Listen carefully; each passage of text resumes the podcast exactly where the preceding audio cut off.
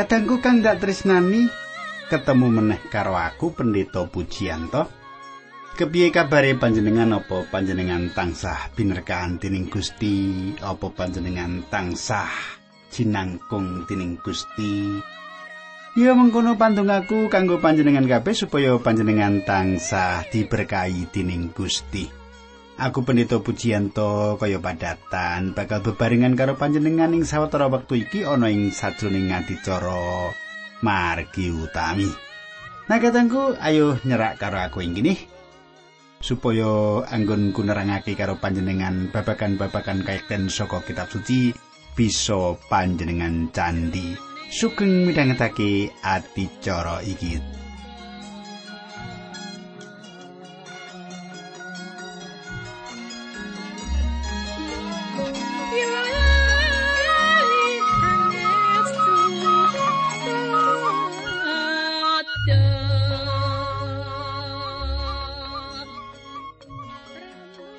Para pamiyarsa tak suwun panjenengan isih kelingan.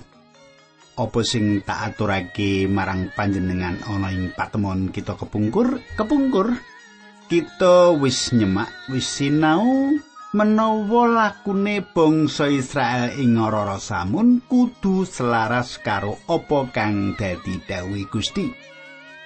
Kang dadi patokane ya kuwi wong-wong mau mangkat.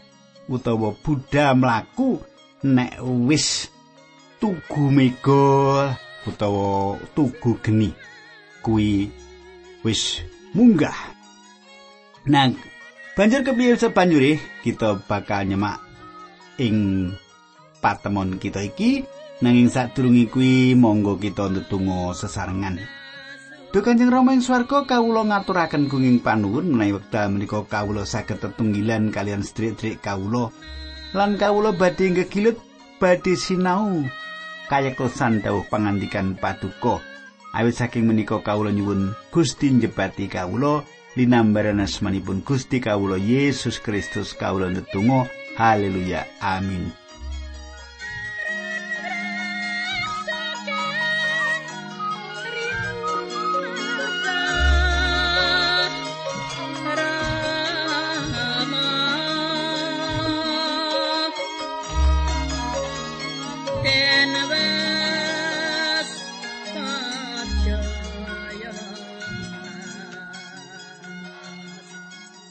Kadangku kang dak tresnani anggon kita sinau. Anggon kita nyemak saiki wis tekan ing wilangan pasal 10 ing wilangan pasal 10 aku macakake kanggo panjenengan ayat siji lan loro mengkini surasani. Gusti Allah ngendika marang Musa gawe slompret sloko tatahan loro kanggo tondo nglumpukake rakyat utawa mbudalake wadya bolo. Panjenengan ngerti slompret? Gusti Allah dawuh marang Musa supaya Musa gawe slompret loro sing digawe saka sloka iki kanggo nglumpukake lan kanggo mbudalake wong-wong Israel ing ora-ora samun iki. Dadi slompret mau kanggo tondo. Ayat trulan papat. Yen slompet loro-lorone unine dawa, kuwi tandane wong kabeh kudu nglumpuk ing sakiwetengenmu ing ngarepe kemah suci. Nanging yen sing diunekake mung siji, sing kudu nglumpuk mung para panggedhe tok. Kadangku kang ndak tresnani. Coba panjenengan semak pangandikan iki yen panyebule slompet mung sak sebulan, iku tandha kumpule para pemimpin. Iki ngilingake kita yen ing mengko jaman pungkasan bakal ana slompret sing pungkasan uga diunekake kanggo gereja. Suarane slompret pungkasan iki bisa disambungake karo swanten panguwe Gusti Yesus marang para kagungane sing isih ana ing donya. Swara tunggal slompret pungkasan iki sing dilambangake pangandikane Gusti Yesus ndawuhake supaya bebarengan derek panjenengane iki prastawa gereja sing disengkakake ing ngaluhur.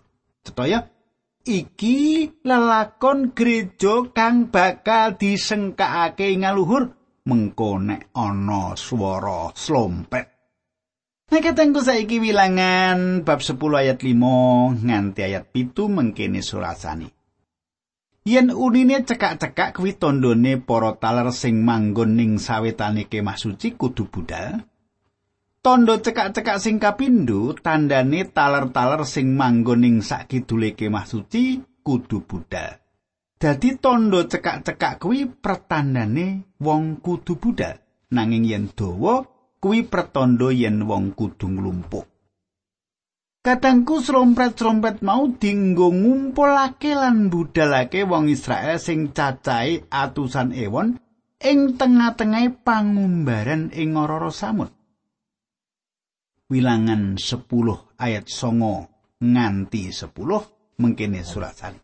Yen kowe lagi perang lawan mungsuh sing nyerang negaramu, kowe ngunekno slompret-slompret mau. Aku pangeran Allahmu bakal mitulungi lan ngwalake kowe saka mungsuh-mungsuhmu. Semono yen kowe padha bungah-bungah ngriyayake sasi anyar utawa riyaya-riyaya miturut pernatane agama. Slompret kuwi ya unekno semangsa kowe nyaosake korban hubungan lan korban keselamatan kunjuk marang Allah.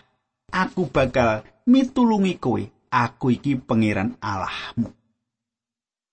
Ayat 11. Ing tau kapindho sawise bangsa Israel metu saka tanah Mesir ing tanggal loro sasi kapindho mega ing sandhuwure kemah suci munggah. Ayat 13 wong Israel yo banjur padha budal.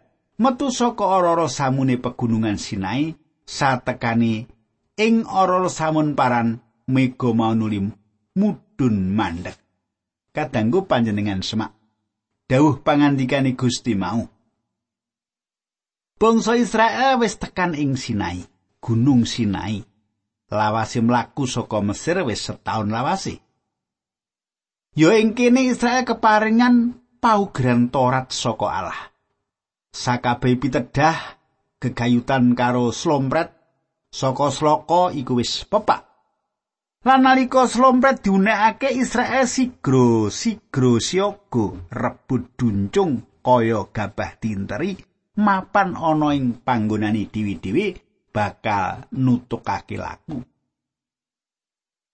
Kita bakal bali ing pasar loro. Kita bakal bali ing pasar loro. Jenengan tak derekake nyemak pasar loro kahanan nalika gagas senggone padha kemah. Pasar loro ngatekake kahanan lan gagas senggone padha kemah. Taler lewi padha gawe kemah ing saubengi kemah suci. Nabi Musa lan Harun sak keluargane ana ing sisih wetane. Keluarga Merari ing sisih lor, keluarga Gerson ing sisih kulon lan keluarga Kehat ing sisih kidul. Nulis sisane taler-taler liyane ana ing sakubengi kemah-kemah mau. Taler Yehuda, Isakar lan Jebulan ana ing sisih wetan. Taler Dan, Aser lan Naptali ing sisih lor. lan taler Efraim Manase lan Benyamin ing sisih kulon sing pungkasan taler Ruben Simeon lan Gad ana ing sisih kidul. Nuju ing sawijining esuk Israel wis yogar budal jalaran tugu mega wis munggah.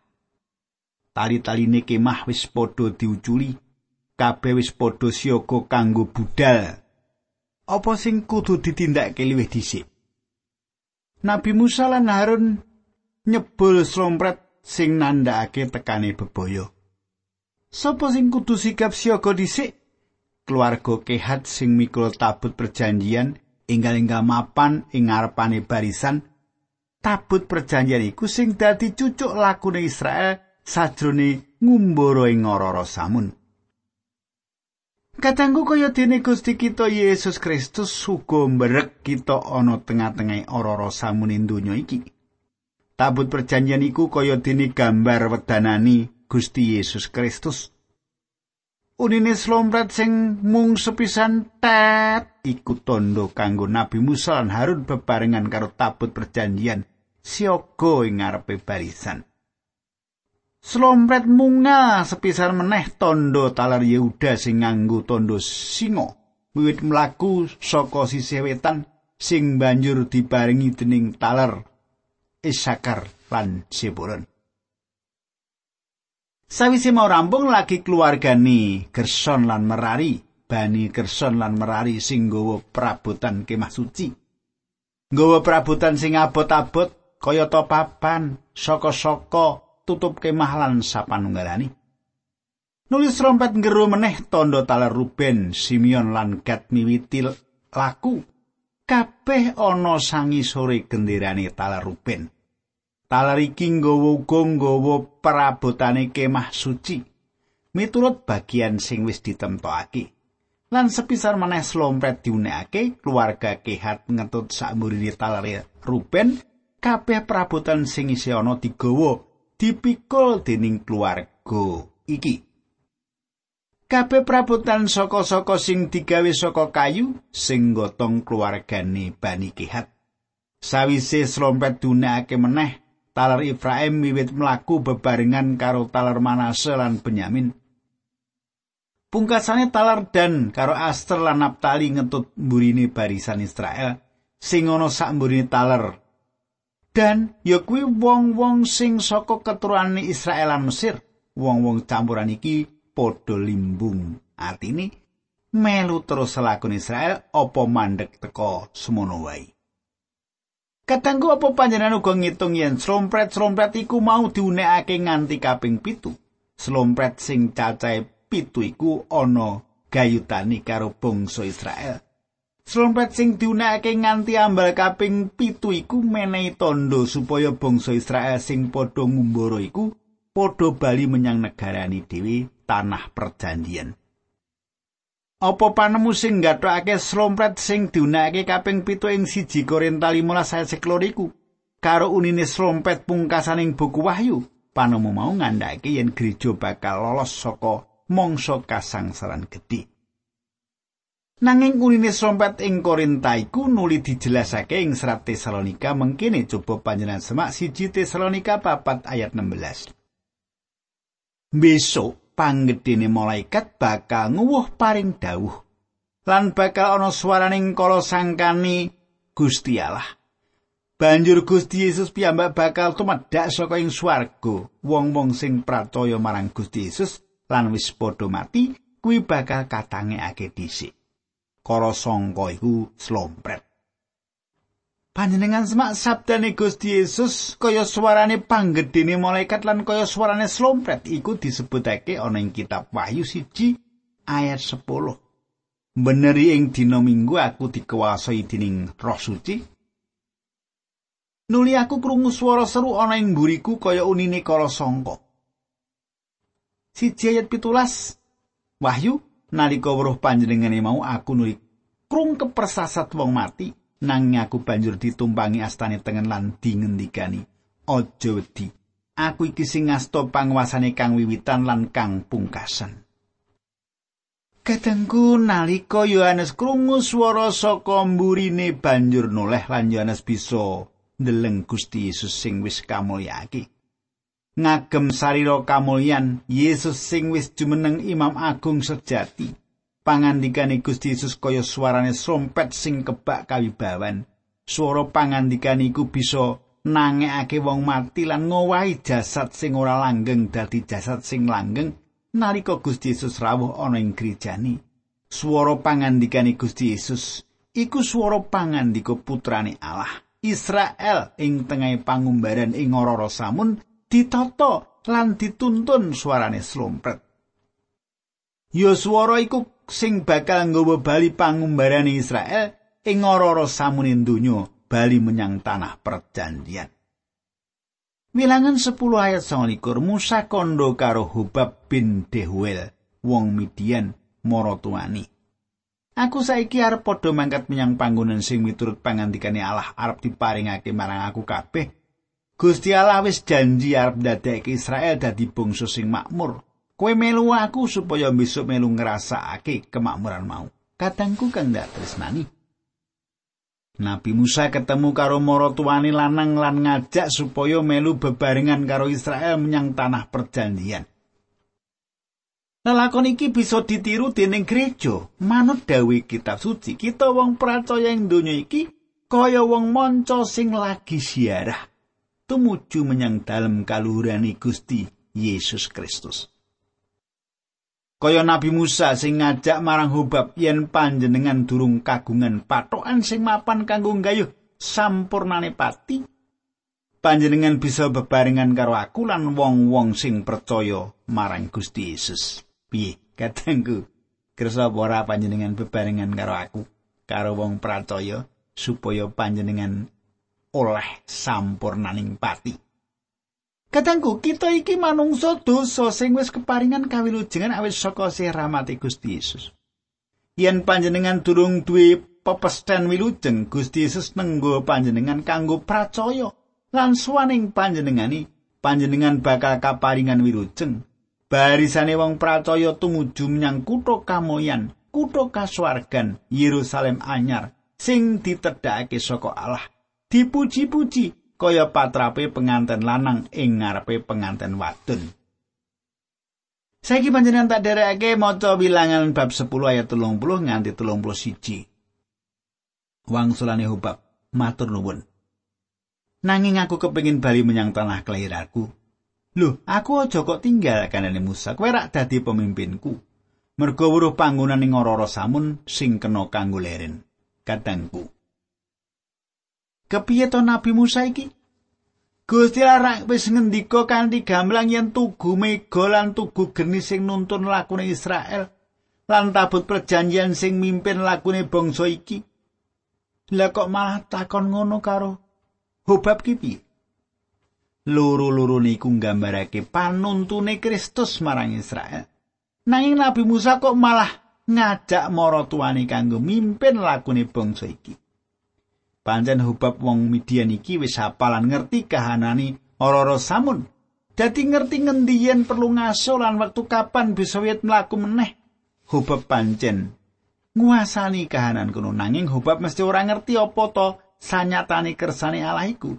Nabi Musa ora bisa ngendelake kapinterane manungsa. Kaya kahanane gereja jaman saiki luwih ngandel suarane para pakar, para wong pinter ketimbang suarane Allah. Piye panjenengan? Wah, nek gereja sing khotbah wis wah sarjana unggulan jenengan teko ning gereja. Ah nek pendetane dhewe ala paling ya ngono wae. Katengku panjenengan seneng mirengake suarane menungso tinimbang suarane Gusti Allah nek panjenengan duwe pikiran sing kaya ngono. Katengku tak terusake. Mula gereja asring kliru milih keputusan. Gereja akeh sing sumende marang para pemimpine, para pendeta lan tuwa-tuwa ing gereja yen pendeta para majelis padha ora ngukui yen Gusti Yesus iku pemimpine gereja. lan ora ana wektu kanggo nyuwun marang panuntune Kristus sing gereja mau lakune peladosan bakal nunjang palang. Apa panjenengan uga luwih ngendelake pituduh utawa pituture wong liya ketimbang mercayakake kahanan panjenengan marang Gusti Yesus? Kaya dene Musa sing salah nalika njaluk hubab kanggo nuntun lakune bangsa Israel. Iki kabeh jalaran Nabi Musa uga manungsa lumrah manungsa sing duweni dosa nanging Nabi Musa nulis kesalahane dhewe ing buku wilangan iki. Coba panjenengan semak wilangan 10 ayat telung puluh loro nganti telung puluh papat mengkini surasane. Yen kowe melu aku besok kowe ndak pandumi saking berkah sing diparingake dening Allah marang aku. Sawise bangsa Israel budal saka pegunungan Sinai disebut Gunung Suci mlaku sadune telung dino. petine perjanjian mlaku ana ing ngarep dewi karo golek panggonan sing becik kanggo leren. Sajrone ngolah ngalih saka paleran siji menyang sijine megane pangeran awan tangsa ana ing dhuwure umat Israel. Katangku. Sajrone Israel ing pangumbaran, Allah terus nuntun lan mimpin bangsa iki. petine perjanjian mlaku ana ing ngarep dadi cucuk lakune pangumbaran satemene ora merokake mara tuane Nabi Musa kanggo melu-melu nuntun lakune Israel. Wilangan 10:35 nganti 36. Saben peti perjanjian arep diangkat, Musa ngunjuk mengkene, "Duh Allah, mugi kersa jumeneng." Mengsa-mengsa sami buyaro lan tiang-tiang kang sengit dateng paduka sami keplajenga saking ngarsa paduka. Dene semangsa mandek Musa munjuk doa Allah mugi kersa berkahi para umat Israel ingkang cacahipun maewewu menika katengku. Wis sak mestine yen Nabi Musa nganakake upacara pandonga marang Allah, saiki kita ngancik pasal 11 saka buku wilangan. Wilangan 11 ayat siji bangsa Israel padha ngrundeli Gusti Allah merga nggone padha ngrekoso nandang kekurangan rupa-rupa bareng mireng pangrundele wong Israel mau Gusti Allah duka nuli nekake gening palerenan kono. Genine mulet-mulet ngobong kemah-kemah sawetara. Kadangku saben-saben bangsa Israel ngrundel ing ngarsane Allah kamulyane Allah bakal ngetingal. Gusti Allah ora rena penggalihe marang pangrundel, uga ora rena marang pangrundel kita. Kita asring ora trima marang berkah urip, malah keporo nyalahake Allah jalaran kepingin kita ora ketekan. Allah bakal ora rena penggalihe. Allah ngersakake supaya wong percaya dadi wong Kristen sing bungah-bungah lan ngalami tentrem rahayu. Saiki bab 11 ayat loro lan telu. Wong-wong banjur padha bengok-bengok njaluk tulung karo Musa. Musa nuli ndedonga marang Allah temah genine banjur sirep. Merga saka lakon mau panggonan kono dijenengake Tabira sing tegese ing panggonan kono Gusti Allah nekake geni. Katanggu apa sing kedadian sawise ana panggrundele bangsa iki? Sapa sing gawe kahanan dadi rusak? Coba panjenengan semak wilangan 11 ayat 4. Ing antane wong Israel ana wong-wong manca sing ketagihan mangan enak, wong-wong Israel ya banjur ana sing melu-melu kepengin mangan iwak. mulane banjur padha grundelan tembunge mbok yen ngene iki ana sing ngeteri iwak. Kadangku sapa sing miwiti? Alendesan pangandikan mau sapa sing miwiti? Iki kumpulane wong campuran sing akeh cacahe. Wong keturunan campuran iki ora jelas sarasilae. Wong-wong iki ora bisa kumpul karo Israel sing wis ana aturane kanggo etuk kemah lan papan panggonan. Dadi kahanane wong keturunan campur iki ora mantep atine kanggo melu ing pangumbaran. Wong-wong iki keturunane bangsa Israel sing rabi utawa dirabi dening bangsa Mesir. Pancen keturunan iki memper karo wong Mesir nanging uga memper wong Israel. Mula sebagian ana sing melu ing pangumbaran iki. Ing gereja ana sedulur kita sing kahanane kaya keturunan campuran mau. Dadi anggota gereja, sregep uga lunga kebaktian ing gereja nanging atine durung mantep tenan. Urip rohani yen dina Minggu lan malah katon duweni semangat nanging dina liyane Senin tekan Sabtu wah kadonyan banget. Ora ana tanda-tanda yen wong mau wong Kristen sing tangsa gawe usik lan ribute gereja iku anggota sing ora jelas kerohaniane. Ora mantep percayane marang Gusti Yesus sing saben wektu bisa dadi wong rohani lan bisa dadi wong sing ora rohani. Nah, tak cukupi semene dhisik. Ayo kita ndedonga bebarengan kanggo nutup patemon kita. Kanjeng Rama ing swarga matur nuwun sanget kawula sampun midhangetaken saged sinau kayektosan kayektosan ingkang paduka paringaken lumantar kitab suci menika. Nyuwun tulung supados kawula gadah kekuatan kangge nindakaken pangandikan paduka linambaran asmanipun Gusti Yesus Kristus kawula ndedonga. Haleluya. Amin.